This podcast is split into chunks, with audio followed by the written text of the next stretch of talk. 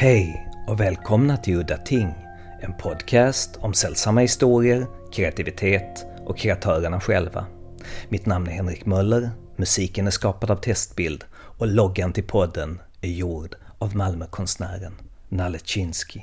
Det här avsnittet ska handla om den brittiske manusförfattaren Nigel Neal. Och nu kan jag tänka mig att det är många som inte känner till denne mästare som fick sitt genombrott på 50-talet och varför jag anser att hans verk är så intressanta att vi nu 70 år senare ska spendera ett helt avsnitt om honom. Jo, här är en kille som skrev sina mest kända verk i science fiction och skräckgenren för TV i England och ändå har han kallats en av 1900-talets mest inflytelserika författare. Han kombinerade science fiction med skräck kring inte bara intressanta, fantasieggande koncept utan oftast kring ett mysterium som var själva drivkraften i historien. Någonting som jag väldigt ofta saknar i dagens TV och film. Man ville veta vad mysteriet var och inte sällan lekte han med kosmiska koncept, det vill säga till skillnad från idag när alla science fiction och skräckfilmskoncept måste vara greppbara, begripliga till varje pris. Men Neil slog på stora trumman, krystade aldrig fram en förklaring utan lämnade alltid ett hål för tittarens fantasi att själv fylla i. Det är detta som gör att trots det även för sin tid billiga 50-70-tals TV-produktionerna att de håller att titta på, det är Nils manus, idéerna bakom, som fortsätter att fascinera än idag. Född 1922 och död 2006 hade han en imponerande karriär på hela 50 år inom TV, film och radio. Han är kanske mest känd för sin science fiction skräckkreation, Professor Quatermass, men även episodskräck i Beasts och min personliga favorit, den väldigt kosmiska Lovecraftianska TV-filmen The Stone Tape från 1972 där en grupp vetenskapsmän upptäcker att spökena i det gamla hemsökta huset egentligen bara är inspelningar från en svunnen tid. Inspelade så att de fastnar i stenarna som huset är byggt av. Närmare bestämt stentrappan som leder upp till ingenstans. Och det är då de upptäcker att de bara skrapat på ytan till något uråldrigt och obegripligt. Något kosmiskt obegripligt av Lovecraftianska mått mätt som får en av huvudpersonerna att dö av skräck.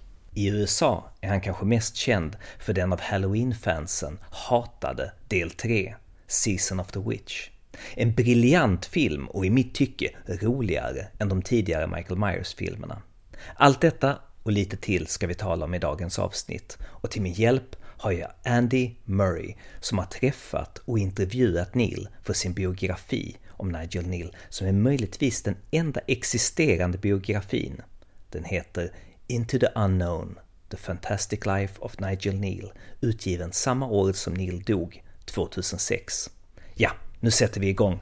So, if we start from the beginning, where was he born and what was his influences as he started out? His parents were Manx from the Isle of Man. He wasn't actually born on the Isle of Man, he was born in Barrow in Furness, which is in Lancashire. because at the time his father, he was a newspaper reporter, was uh, had a job uh, editor actually uh, editing a newspaper over in in Lancashire. So his first few years were spent in Lancashire, and then the family moved back to the to the Isle of Man. And I think the Isle of Man's quite a big part of his story. He, always tells it that the Isle of Man was just sort of rife with superstitions and sort of folk tales and myths that, that sort of sprung from the Isle of Man it was a place where there were lots of superstitions and lots of strange and interesting beliefs. And I don't think he he really ever bought into that. I don't think he, he was never a religious man at all. But I think he was fascinated by it, but fascinated kind of slightly at one remove. It, it took quite a while to find his way to writing. Really, he um, he started off uh, he trained to be a lawyer on the Isle of Man, but he he, he never quite finished it. He, the, the, story he tells is that he had a one last exam to do, and he just didn't go because he knew in his heart of hearts that wasn't what he wanted to do. Um, he was interested in amateur dramatics, in, in acting. He'd done some amateur dramatics on the Isle of Man, and then he pursued it, and he he got a place at RADA, Royal Academy of Dramatic Arts in London. So that's when he moved over to the mainland, and he, he sort of spent the rest of his life really living in London.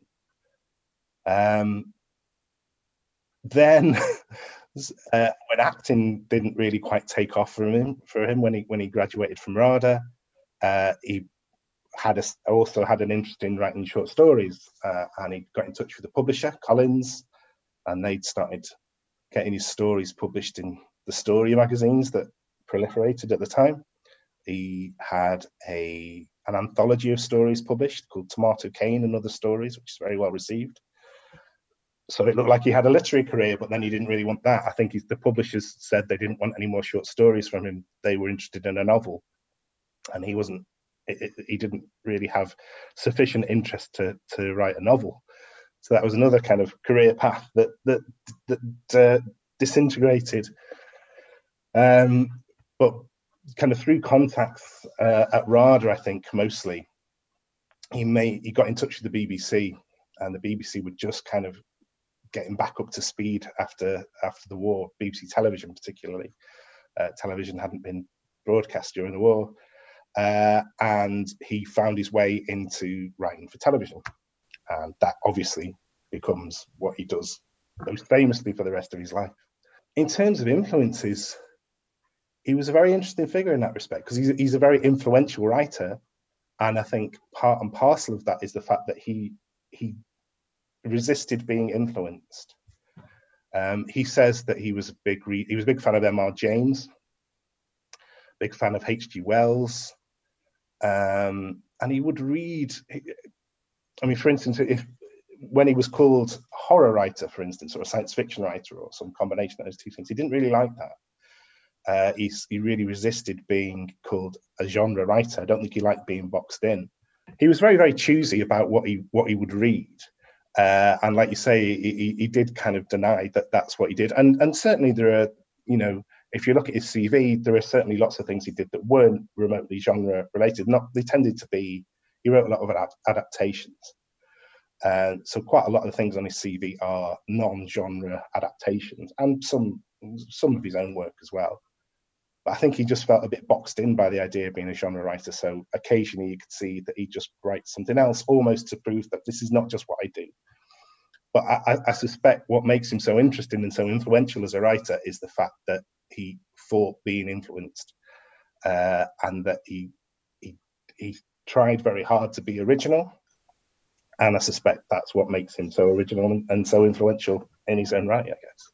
So he started writing short stories, which I, by the way, haven't read. But when can we see the Nigel Kneale as we know him arrive, so to speak? So the short stories that he was writing and, and this collection, Tomato Cain, which predates all his television work. So that's kind of his first professional writing work. And it's out of print now. Somebody should absolutely bring it uh, back into publication. But anyway, um, and as a collection, there are stories in there that are very strange. That are there's a story in there called My Minuke, or Minuke, I think it's supposed, kind of supposed to be pronounced M I N U K E. And it's told from the point of view of an estate agent trying to sell a house, and the house is haunted. But you can absolutely see that this is the writer who will go on to write the Stone Tape, particularly. It's very influential, and and and in fact, the Chopper, which was a a seventies play that he wrote. You can see all the seeds of that there, and there are lots of strange and fantastical stories in in that collection, but there are also stories that are just about um, the Isle of Man community. He never actually names the Isle of Man because he, he, he always says that he knew enough about how lawyers worked on the Isle of Man to that, that he should avoid being sued. But some of them are just about sort of things going on in the community that aren't remotely fantastical, and some of them are.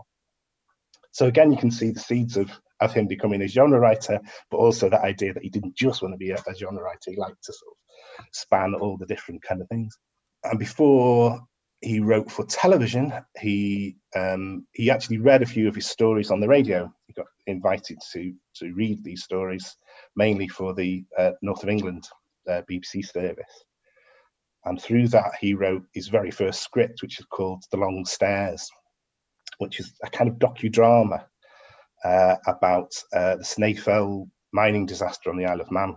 So it's it's, it's literally about a, a group of uh, a group of miners being trapped and trying to escape, and people trying to get them out and, and their fate. So it's not really. It, you could certainly say that it has that element of of thriller. Maybe I don't know if that's not quite the word for it, um, but it certainly has elements of things that he went on to do. But again, it wasn't necessarily genre related.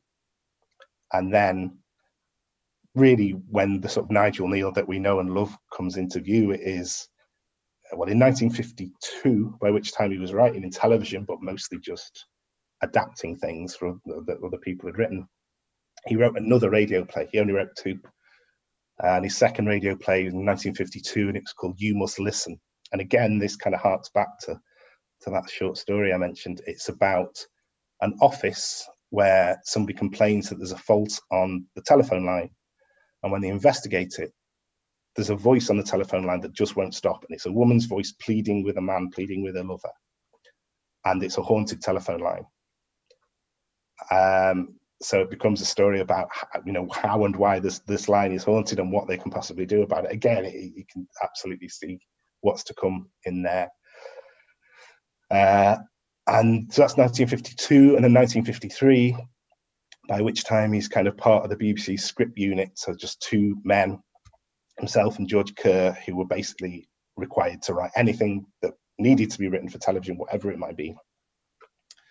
Uh, and the story goes that um, it was noticed there was a gap in the schedules uh, for six weeks over the summer uh, on Saturday nights. So the call went out to the script unit you need to write something, we just need to fill this gap. Uh, and at the time the call went out, his colleague George Kerr was on holiday. So it just fell into his lap. And rather than doing what was probably the obvious thing to do, which would have been to choose a novel or something to adapt, which is generally what what the BBC were doing with television drama at the time. He came up with this original story. Came up with the Quatermass experiment. So it kind of happens, kind of by accident, but certainly is a sort of slightly opportunist thing of him. This this opportunity falling in his lap and thinking, right, I'm going to write the sort of thing I want to write. Uh, and he writes something that is really quite novel and obviously hugely influential and absolutely changes the course of his career. So that I think is the point when when Nigel Kneale, as we know him, uh, arrives. Could you tell the listeners who've never heard about this, what is the first Quatermass about? Professor Quatermass, Professor Bernard Quatermass, who runs the uh, British Experimental Rocket Group. So it's obviously 1953. This is when you know the, the sort of space race was just about on, and it starts off with a manned rocket launch. Three men go up in this rocket the rocket crash lands and there's a race to the, the crash site. When they get the rocket open, there's only one man left alive and he's not in a, a great state. He's not really making a great deal of sense. But there is no trace of the other men at all. So this is the first hint that something strange is going on. There's actually a point when, as they're kind of trying to coax things out of the, the, the surviving uh, crew member, Victor Carroon, he he understands German. He's not German. He doesn't understand. He shouldn't understand German. One of his colleagues who has completely gone missing was German. So it kind of starts to layer on this mystery. And it, it becomes clear that something happened in this rocket, something got into the rocket, and that somehow whatever got into the rocket has melded these three uh, uh, the three men together into one, and he's not quite I, any of the three men anymore, and he's not quite human either. Um, so the story uh, is really about what happens to Carroon and Quatermass and his team trying to uh, work out what's happened and trying to stop anything worse happening because it becomes clear that Carroon uh, will um, infect the entire the whole world. He will kind of spore and pollinate he will turn into a creature, uh, and in doing so, he will, you know, spread this this life form across the entire planet. You interviewed him, and one of the big things that everybody's asking about is the Lovecraftian cosmicism. Did he read Lovecraft? It feels like he must have. I think, I mean, for one thing, um, he, he did talk about Lovecraft, but he always said, people always say to me that my work's like Lovecraft. I've never read any. Who knows if that's true? Um, but I, I, suspect it probably is. Um, I suspect it's probably, a, it, it, or if he was influenced, he wasn't quite aware that he was being influenced. So I don't think he saw himself in those terms. But I think also it's important to say that those original Quatermass serials, there were three in the 1950s, a producer, which is in modern terms a producer director called Rudolph Cartier, and he's hugely important. I think he's a really fantastic TV drama maker. And I think the thing was that that, that plot that I've just told you, that that was made live in a television studio with, you know, very, very old fashioned cameras, tiny spaces, next to no budgets, incredibly ambitious. And I think the thing is that between the two of them, they, they kind of worked together before and they worked together on things.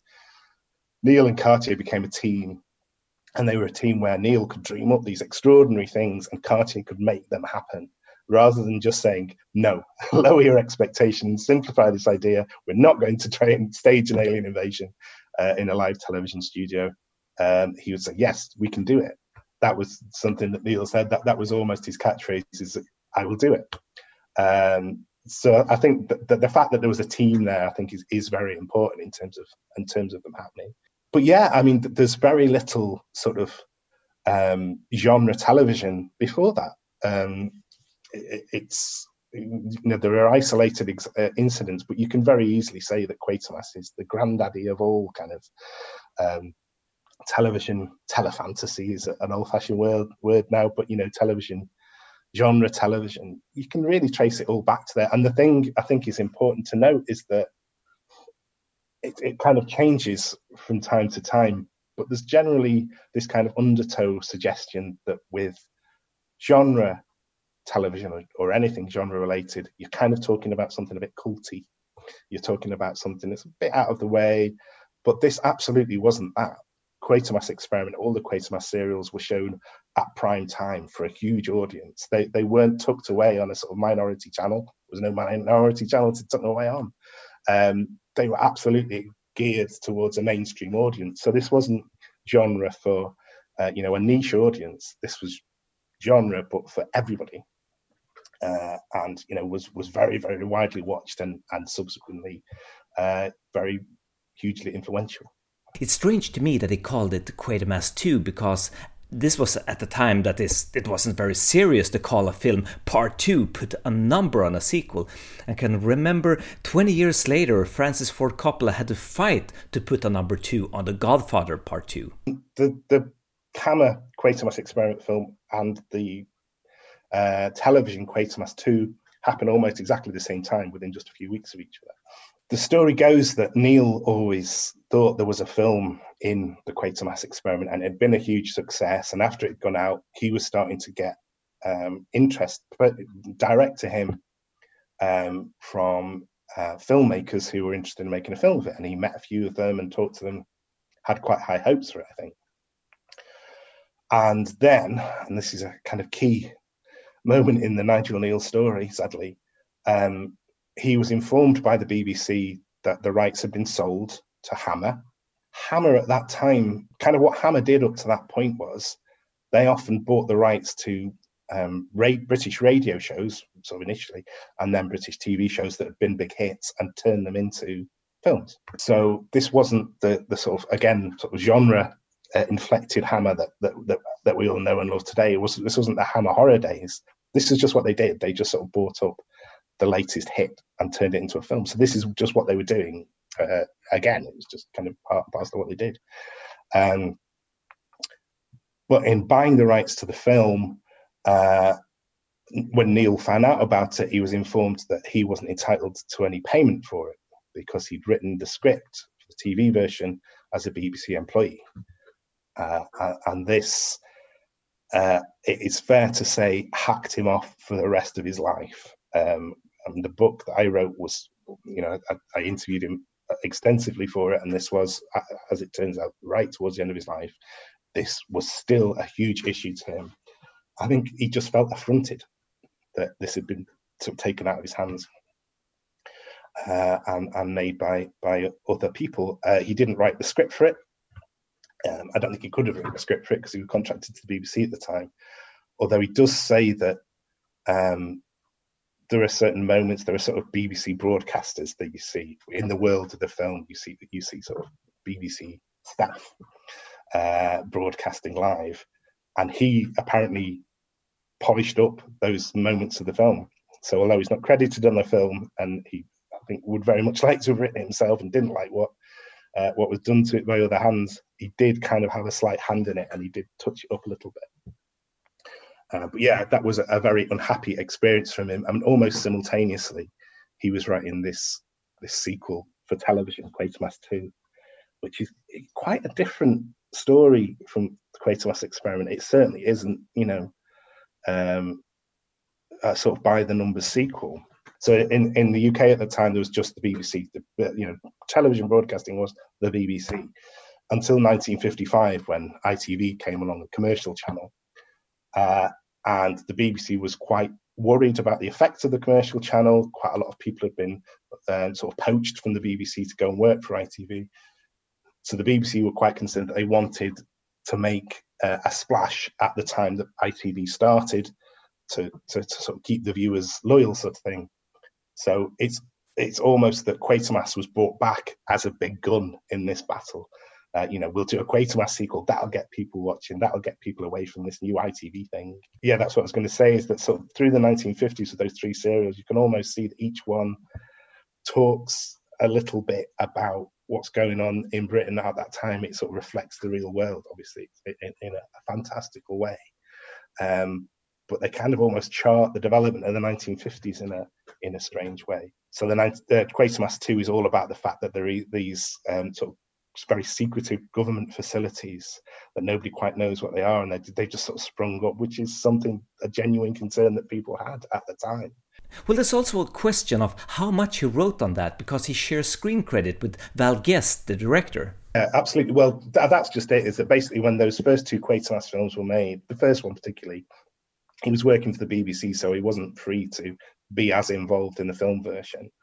Quatermass 2, he does write the script or is credited with co-writing the script um, because he'd just come out of his BBC contract. So th- there are kind of practicalities there. Whereas the third Quatermass had been made uh, for television right at the end of the 1950s, and the idea was to do exactly what had happened with the other two, which is make a film quite quickly. Um, but it took a long time. It took almost 10 years to get made. Um, by that time, Kneale was no longer contracted to BBC, so he could write the scripts completely himself. Um, and the story goes that Hammer wanted to do it. Hammer realised it was going to be quite a big budget production. Kneale never liked uh, Brian Donlevy, who stars as Quatermass in the first two Quatermass films. Um, and I think there was uh, a sense that maybe they just wouldn't bring Donlevy back. So the, the whole thing, they, they tried to get funding for it a couple of times. They came close to making it and it collapsed. So it took almost 10 years to get to that point where they made the Quatermass and the Pit film. It's the most true to Kneale's vision. But what's most striking about Quatermass and the Pit is, uh, again, if, if you if somebody has heard of Nigel Kneale now, they probably assume that he's he wrote things that were a little bit horror and a little bit science fiction, maybe some combination of that. And the truth is, there isn't an awful lot of supernatural element in his work before that. There were those things that I mentioned. There was a radio play, there was a, a short story, but not an awful lot. Most of his best known work was maybe science fiction inflected, but not so much horror, not any kind of supernatural element. Whereas Quatermass and the Pit suddenly brings that in into the mix, uh, and it becomes a very kind of distinctive area that he's working in. He almost kind of creates it himself, this kind of weird hybrid of the, of the two genres. The, the care that they took with the film, the fact that they they did take almost 10 years to get around to making it rather than just dash it out. Um, I think that was the thing is, that there were kind of various different attempts to uh, Hammer were looking into doing it as co-production at one point. Um, there were various points where they had a director in mind and a star in mind, and then it would fall apart. So I think it was just that you know, it, it, it, was just a sort of long path towards it, really. The, the, the fascinating thing is that, I mean, obviously, if you look at that first TV Quatermass, Quatermass experiment was shown live, um, and the everything but the first two episodes are, are, lost now. The first two episodes have survived, everything else is lost. Virtually nobody has ever seen that um, since it first went out in 1953. But what gives Quatermass a life, I think, is the film versions. The film versions sort of spread it out across the world. Every, you know, an awful lot of people all over the world know Quatermass now from the films rather than the TV versions. Um, so the films, and I think particularly the Quatermass and the Pit film, became hugely influential. Uh, and you can see, you can see all kinds of people who are working in that area now, sort of genre area, who are ripping off Nigel Kneale and Quatermass, but probably have no idea what Nigel Kneale and Quatermass are. They don't know that wouldn't know those names. They're just kind of embedded in in the genre now. The ideas that he was coming up with, um, you know, are just commonplace now. There's a story, and I don't quite believe it, that when they first looked into making the first Quatermass, that there was I, this idea was floated that they could do something about an alien invasion and Kneale's response was, well, there are only three ways of telling a story about an alien invasion. We go to them, we go into space and meet them. They come to us, aliens come here, or they've been here all the time, which obviously is, is Quatermass in the Pit. I don't actually believe that as a story. Um, I think it's too neat, but I think it, it does show you kind of how thorough he was that in telling those three Quatermass stories, he does sort of work through quite logically. This one you do one story, then you have to do it differently the next time. What's the different angle you can take here? And Quatermass in the Pit kind of assumes this kind of very cosmic and, and sort of uh, ancient uh, aspect to it, which which gives it a special power, I think. The fourth Quatermass is quite different from the previous three. Seems to me that something happened along the way on that production. It is very kind of detached from the first three like I say, initially that all those first three were just television serials in the 1950s. Then there was kind of, and the idea of another Quatermass kept sort of bobbing about, but never quite happening for quite a long time. Um, so through the night after he left the BBC, Kneale didn't do an awful lot of television work. So for quite a lot of the 1960s, he he, he kind of stepped back from television a bit.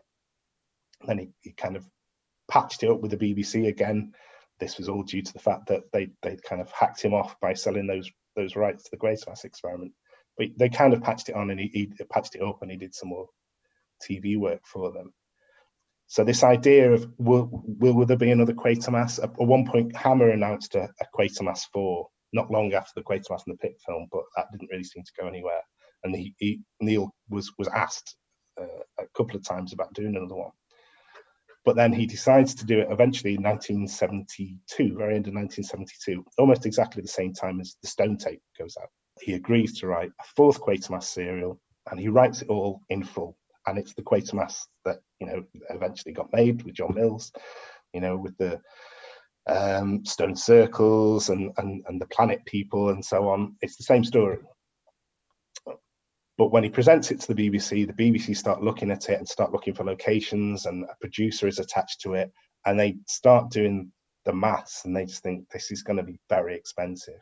Again, they sort of look into doing it as a co-production, possibly, but eventually they just turn around and say, actually, we're not going to make it. So having having written the full thing, this fourth Quatermass went back to Kneale's desk and sat there, and then eventually it found its way to ITV he started working for ITV quite a lot through the 1970s, and eventually it gets made in, in 1978, shown in 79, um, as sort of well as Quatermass is the title. People call it the fourth Quatermass, Quatermass Four. The Quatermass Conclusion is the film version, and it is a, it's a very strange piece in that the other three Quatermasses. I think that the in paperwork those first three Quatermasses were supposed to be set around about the time they were written in. So they were kind of, a, I think nominally they were, they were set a few years in the future, but it doesn't even say that on screen. And they are obviously about the time that they are written in, really. Whereas the fourth one is about the future. This isn't a recognizable world. This is, a, you know, this is obviously kind of a dystopian future with a, an, a very elderly and indeed sort of doomed Quatermass. Um, and you can kind of trace the development of that piece right back. Obviously, he'd written it earlier, and I think that's one of the flaws in it. And lots of people have picked up on that. That it was made when you watched it in 1979. I think it felt to a lot of people slightly clunky and slightly old fashioned and i think that's why because it's basically it's about 1972 73 when it was written um, and when it was made in 1979, it starts to feel a bit a bit clunky. Uh, I still have a lot of time for it. I think it's great, but I think it's it, it's it's it's uh, it's not the best, and it feels quite detached from those first three to me. If we jump ahead to the final installment in the Quatermass saga, which is released in the form of a radio drama in 1996. Okay, yeah, the Quatermass memoirs. So, yeah, that was a BBC um, producer had this idea of getting the Quatermass, uh, the BBC Quatermasses out of the archive and using the sound from them to put together a radio piece and there were sort of various different iterations and possibilities that he was exploring. But he got Kneale involved, so it basically ends up being it's called the Quatermass Memoirs. It's kind of a slight patchwork, but it's basically Andrew Keir, who played Quatermass in the, the Quatermass in the Pit film, being sought out by um, uh, a journalist who wants to tell his story. So it's basically Andrew Keir narrating his story which is then told through clips of the original TV serials. But you've also got Kneale in there as well, Kneale himself, talking about how they were written and also talking about what he was writing about. So talking about, you know, what was going on in 1953 that put him in mind of this idea of the Quatermass experiment.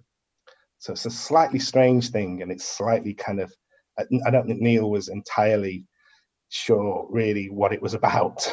I, I, quite like it. It's satisfying in in a, it, it, sort of has that sort of fan fan thrill thing that it's it's very obviously it brings back an, an older Quatermass, brings back Andrew Andrew Keir, but it kind of leads to I think it ends up with him talking about what the state the world is in at that time in this world and the fact that his granddaughter's gone missing. So it's very obviously a link between Quatermass and the pit and the the fourth Quatermass. It kind of fills in the continuity gap. And so, so there is that about it. It's fun to see that they brought back Andre Morell as Quatermass. Was that in part to please Kneale because he liked him as Quatermass? You know, on on a practical level, there probably weren't any other Quatermasses alive at that time. Um, but I, I, yeah, but he, he did he, he did like Andrew Keir, um, yeah, he, I think he had a lot of time from him, and, and he, he would have. I think he personally asked for him to come back. It is nice. It's it's it's, it's a nice thing, but it's a, a strange patchworky thing, which doesn't actually, in terms of narrative, have a great deal to it. It's just basically a framework for for telling the Quatermass stories as they were. Okay, so again we jump back in time to 1972 to one of Kneale's most iconic work, the TV movie The Stone Tape. How did it, how did he get assigned to that and how did he come up with that concept? Kneale was a big reader of things like New Scientist, probably more of a reader of that kind of thing than he was of science fiction. So I think he would have been aware of this this idea obviously he's not really got a great deal of scientific basis, but this idea that you know could could a ghost be this? Uh, and he was asked, I think, to write a ghost story for Christmas, not as in the famous BBC Strand ghost story for Christmas, but to write a, a ghost story that would go out over Christmas. And being Nigel Kneale, he didn't do it in a straightforward way. He kind of came at it at an interesting angle. I think what the Stone Tape does is that classic Kneale thing of he's fascinated with ghosts he doesn't believe in them. Um, but that gives him an, an, interesting distance because you can almost see him trying to puzzle it out. Well, what would a ghost be? How would it work? Which is exactly what happens in that's what the characters are doing in, in the piece. That they're, they're trying to work it out and they're trying to fix them. They're trying to get rid of them. The, I think the original title for it was Breakthrough, and it was made as part of a series um, called Dead of Night, or, or, effectively it was anyway. There was a series of, of anthology uh, drama anthologies the BBC were making. And it went out effectively a week after the last one. It wasn't really part of that strand, but it was kind of made as almost like a special Dead of Night special. It's just very, very influential. It's it's a very original idea. You can absolutely, you know, I think it's very hard to sit down and watch something like Poltergeist without thinking this seems quite familiar. Um, that, that I think, it, it, you know, it, it was very influential. I, I, think in terms of his career, in terms of sort of most widely known things, then yeah, it's absolutely the Quatermasses, and then the Stone Tape comes next. Um, some people are quite sniffy about it these days. Some people kind of look at it, some of the acting and some of the effects and say, "Oh, it's very dated." Um, but I, I, you that's you just have to watch television like that. You can't watch. You know, television does date very quickly, and you had just have to watch it in the spirit in which it was made. It's pointless, really, to to pick it apart from that. And kind of as I said with the Quatermass and the Pit, there's a point in his career where he suddenly becomes much more interested in in the supernatural, and I think Stone Tape is probably the best example of him looking directly at this idea: what is the supernatural? What could it be? and literally having characters trying to work that out. There's very little in the Stone Tape that is unpleasant to watch. That, as in, you know, it, it's not a gory. It's he, he never dealt in anything like that. That wasn't remote. He dealt in ideas.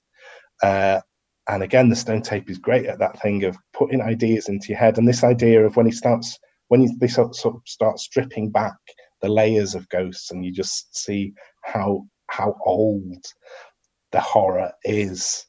Um, and again, there are people who will watch it and just say, "Oh well, you know, at the end there's just a kind of couple of red lights waving around. Who cares? It doesn't really get to me." But to me, it's the ideas that he deals with uh, that he kind of frames so beautifully in the story that that, that really get under your skin. Uh, and I, I, don't think he could have written a play like that if he believed in ghosts. I don't think it, I always think it's you know there's that this idea that um, there's this idea that Irish literature um, is so beautiful because you're talking about writers to whom English isn't necessarily their first language, um, so they have a slight distance from it, so they can kind of they're not so involved in it. You can step back and you can kind of shape it more. And I think you could almost apply the same idea to to this that um, Kneale didn't believe in the supernatural, but he's fascinated by it. So it allows him to to frame and play with the idea uh, in a really powerful way, in a way that is haunting.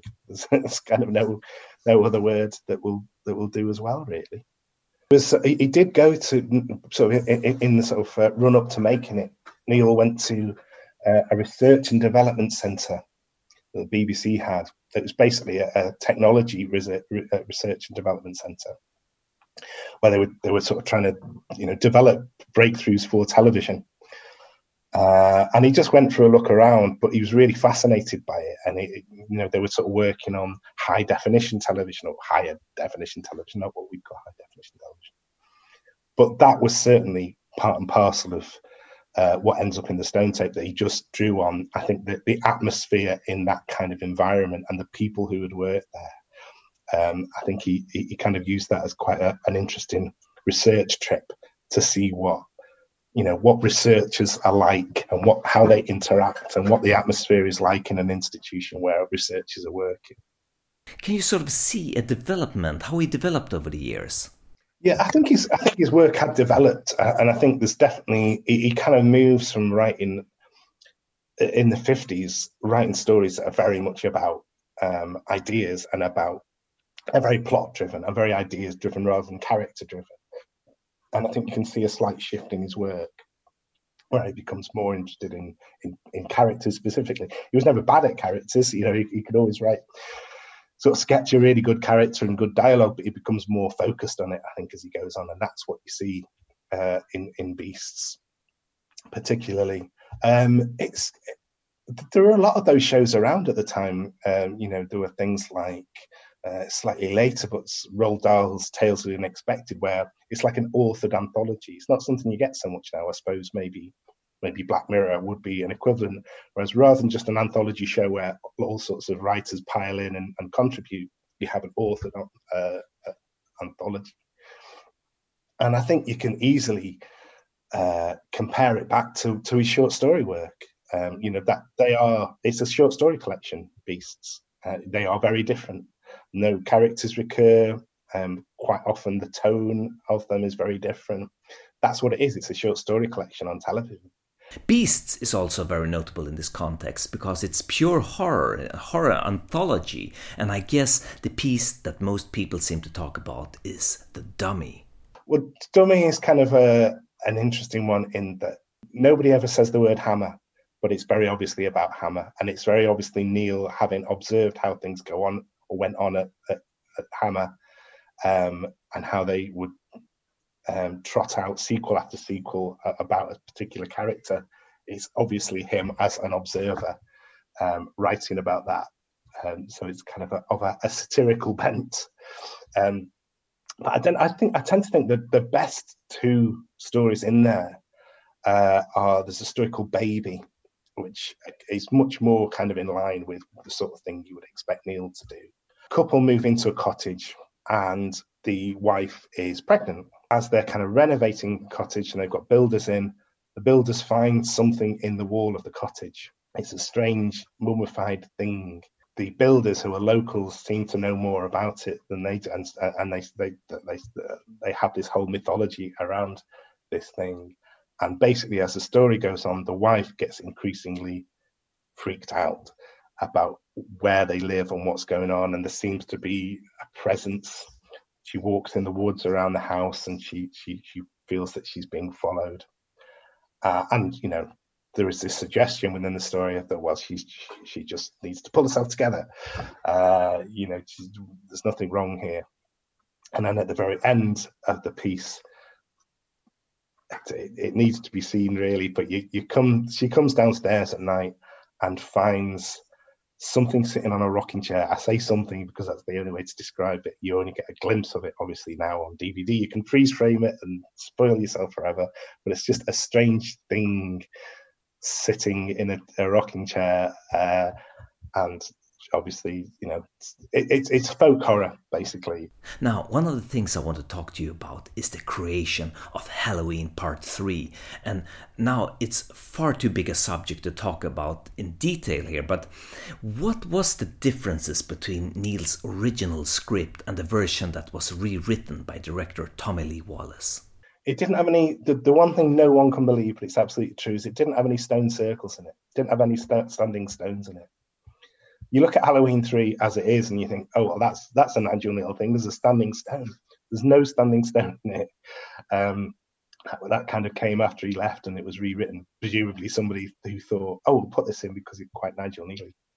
Um, but the original script isn't vastly different there's very little original dialogue left in the in, in the finished film.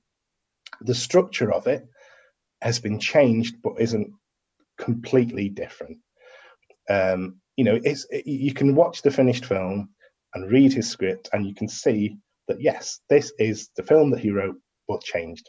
The one key one I think is that the the the, the character Cochran, Cochran, Cochran, and the, the, the sort of the, the villain of the piece there's a point where he's confronted and you know why are you doing this why have you concocted this awful plan and he just says just mischief and th- there isn't an there is there is no greater plot he isn't trying to sort i think in the film it's it, there's an idea that he's trying to sort of uh, you know bring bring the, the, season of the witch back into to how it was in the old days in the old times in the old country uh, there's a bit of an element of that in his in Kneale's original script, but in this he just says, "Oh no, it's just mischief. He's just, he's just doing evil for the sake of evil," uh, which again you could say is maybe not how you would tell a story these days. That maybe you would, you would have to go a bit deeper.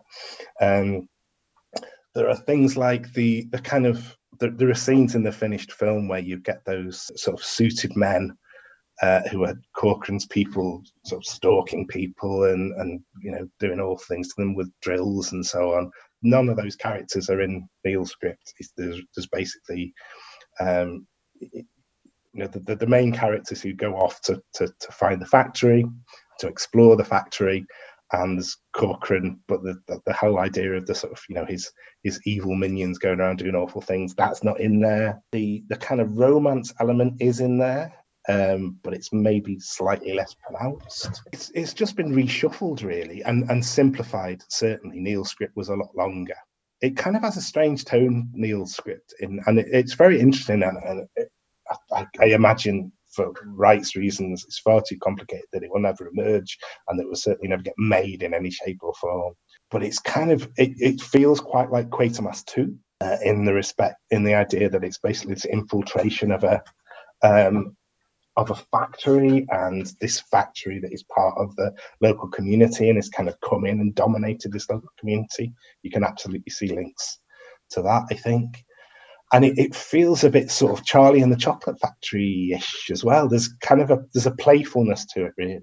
So this whole part with the kid's head melting in the Halloween mask and poisonous snakes and roaches emerging, that's not in Kneale's script. No, no, and anything that seems to happen for no obvious reason wasn't wasn't really part of his. Was much more thought through. You can see that his original script is the work of a very experienced writer who's thought it all through and carefully put it together. And then I think what happens is that you know other hands come in uh, and basically think, oh well, we're going to get rid of all this and we're going to ramp up the violence and we're going to ramp up the threat I mean, you know, the, the the, the, sort of minions that wander around too add a, a sense of threat. There is this idea that they you know could turn a corner and no one of them will be there. So you could see the logic of it, but Kneale's script is much more careful and much more considered and much more atmospheric. Whereas the finished film is much more kind of, you know, people drilling your eyeballs out of your head and that kind of thing. But Kneale was so pissed by the changes that he took his name off the film. He, um, yeah, the story is that he rang up the Writers Guild and said that um, at of America and asked to have his name taken off script, uh, and they couldn't believe it. They said, "We just get people asking us to have their name put on a film, not taken off." Um, but yeah, he he had his name taken off it, so he's not credited on it on any, anywhere at all. But um, Carpenter was a big fan of Kneale's and wrote is it the script for Prince of Darkness, which is credited to Martin Quatermass.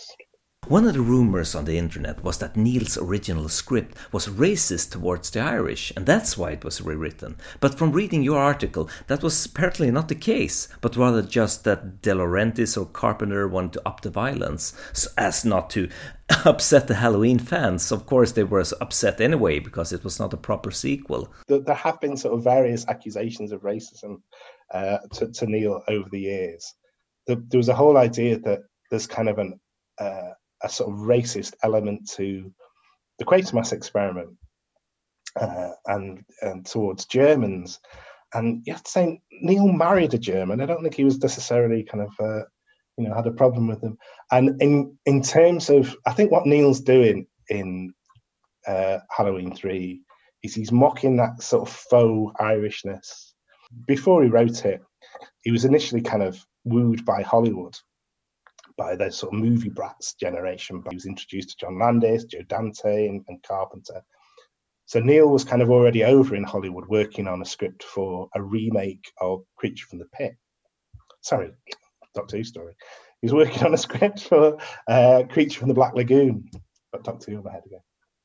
So yeah, he's working on a script for Creature from the Black Lagoon. So he was kind of around Hollywood before he wrote the script for Halloween 3. So I think basically he kind of observed this faux Irishness in America firsthand. And what I think he's doing in the script is he's kind of lampooning this kind of people who who you know never been to Ireland and their parents never went to Ireland, their grandparents never went to Ireland, but they talk about the old country. So um, I think it would be it would be hard to really say it's racism. It's it's kind of mocking of people who are desperate to have an Irish identity, whose Irish credentials are maybe slightly uh, uh, dubious. Um, so yeah, I, I, I yeah, I, I, think that would be an excuse really to have rewritten it rather than the actual actual truth of it. And and again, that isn't a huge difference in in those terms between his script and, and and the finished thing. So, if we get into the latter part of his career, towards the end of his life, when did he stop working? Again, if you just look at his credits, he kind of starts working for television in 1950 and his last credits are sort of right at the end of the 90s. So it's you know it's a 50 year career, which is incredible, really. Very few people have a 50 year career in television these days. Um, but sort of after that point, uh, yeah, he kind of has this sort of dalliance with Hollywood, which very little actually comes of it. He, he, there's various things talked about, various projects, but really all that comes of it is Halloween 3, which he isn't very happy with anyway. And then he comes back over here. He does a few pieces uh, for ITV. He writes a couple of uh, plays called, there's one called Gentry and one called Ladies' Night, neither of which are really genre related. Again, I think he's trying to sort of, he's trying to say that he isn't just a genre writer at that point. One of the really interesting things that he, he wrote at that point, and it's actually just about to be released on, on Blu-ray over here, uh, is The Woman in Black, Uh, I don't know if you've ever seen it, but it's so it's an adaptation of the Susan Hill novella, and obviously subsequently became a, a Hammer film when Hammer were, were revived. Uh, and it was around about the time that there was a, a stage version just being launched uh, in the UK, which is still actually running uh, and touring. And the idea was that there would be a TV version made, which Kneale would write, and then it would disappear. That basically they were sort of thinking about film rights already. They had this stage version going on. They didn't want to muddy the waters, so the, the TV version was shown and repeated once, I think, briefly available on, on VHS, but basically kind of came and went, which is why it's a big deal now that it's kind of been restored and it's about to be reissued on Blu-ray next month, I think. Uh, and it's a beautiful piece of work. So Kneale had been doing quite a lot of work for Central, which was an ITV uh, franchise over here. Very little of it actually um, uh, genre related. There were a few projects that he worked on didn't kind of come to fruition, but he, he was still working quite steadily. And then when the idea came about that Central would do a, a version of uh, The Woman in Black, they thought, we know the man to do this. We've worked with him before. Let's give it to Nigel Kneale. And again, this kind of harks back to the fact that that was his grounding in television. Really, was was adapting other people's work. He was great at it. You know, he wrote sort of very celebrated uh, TV version in 1984 back in the day. He'd written a very celebrated TV version of Wuthering Heights, so he, he knew how to adapt. And this was absolutely up his street. And I think I, it would be very hard to say that he doesn't just take Susan Hill's novella and improve it. Again, it's basically it's about an old woman dies. A solicitor is sent in to go and clean up, to sort of tidy up her, her affairs in this uh, old house, which is across a causeway. Uh, and as he's there, he starts to unpiece the story of exactly what happened and why. And the causeway is haunted by the woman in black. Um, and it unpicks this whole story. But again, it, it sort of gets into this idea of it, it harks back to the stone tape, to how how how do ghosts work. You can see Kneale again thinking, how can I make this work? Um, how can I make this convincing to myself? Really, I suppose, uh, sort of primarily. Um, and it's very very effective ghost story, uh, brilliantly told, but came and went and has kind of been forgotten since. I think that's his last great piece of work and it'll be interesting to see how it's received when it becomes freely available again. Um, so that was 1989, and through the 90s, he was still working. He was still uh, writing for ITV. Uh, he, he, wrote a couple of uh, installments of quite prestigious ITV dramas, um, but they weren't genre related, and they he never wrote anything that wasn't good, but they weren't that interesting. I don't think necessarily in the in the grand scheme of things. And then at the end of the 90s, I think 97 is his last TV credit. Um, he he stopped. So that's only really, um, you know, a handful of years before he died. He was working quite solidly right up till then. I'm curious, when and how did you get this idea to write a book about him? Uh, well, I, I was, as you said, I was a big fan uh, so knew and ad- admired his work. And I was at that point working at an art centre in Manchester called Corner House, and we'd started having annual showings of British film and television horror called Darkness Over Britain. That was our, our banner title for it. And the first year it started, we showed the Stone Tape, and we're kind of we're amazed. We showed it, and it sold out. It was very very popular. Introduced by Ramsey Campbell, and so the second year we said, okay, what we should, what can we do? How, what can we do now? How can we take this further? Let's invite Nigel Kneale. So we invited him. Uh, he had some concerns about travel because he's quite elderly. In the end, he was actually driven to from London to Manchester by Julian Petley, uh, who's a, a, sort of big academic and uh, fan, fan of Kneale's, uh, who who chaired the event. So we showed a couple of episodes of Beasts, and we showed Quatermass in the Pit film. So I sat next to Nigel Kneale and watched the Quatermass in the Pit film. That was a thrill. Uh, and he did a Q&A and I kind of, I'd not really, I think I'd done some journalism before then, but not written a book. And I just sat there and thought, his stories are great and somebody should write this down. Um, you know, it would be criminal if these stories were forgotten. He was, I think, nearly 80 at that point, but he was, he could be incredibly lucid. You know, somebody who spent their entire life, 50 year career, telling stories is going to be good at telling their own story. And he was, he was brilliant at it. There will be times when he would be less lucid, of maybe less insightful, but his stories were fantastic and entertaining and funny. And I just came away from that. I think somebody should write a book about him.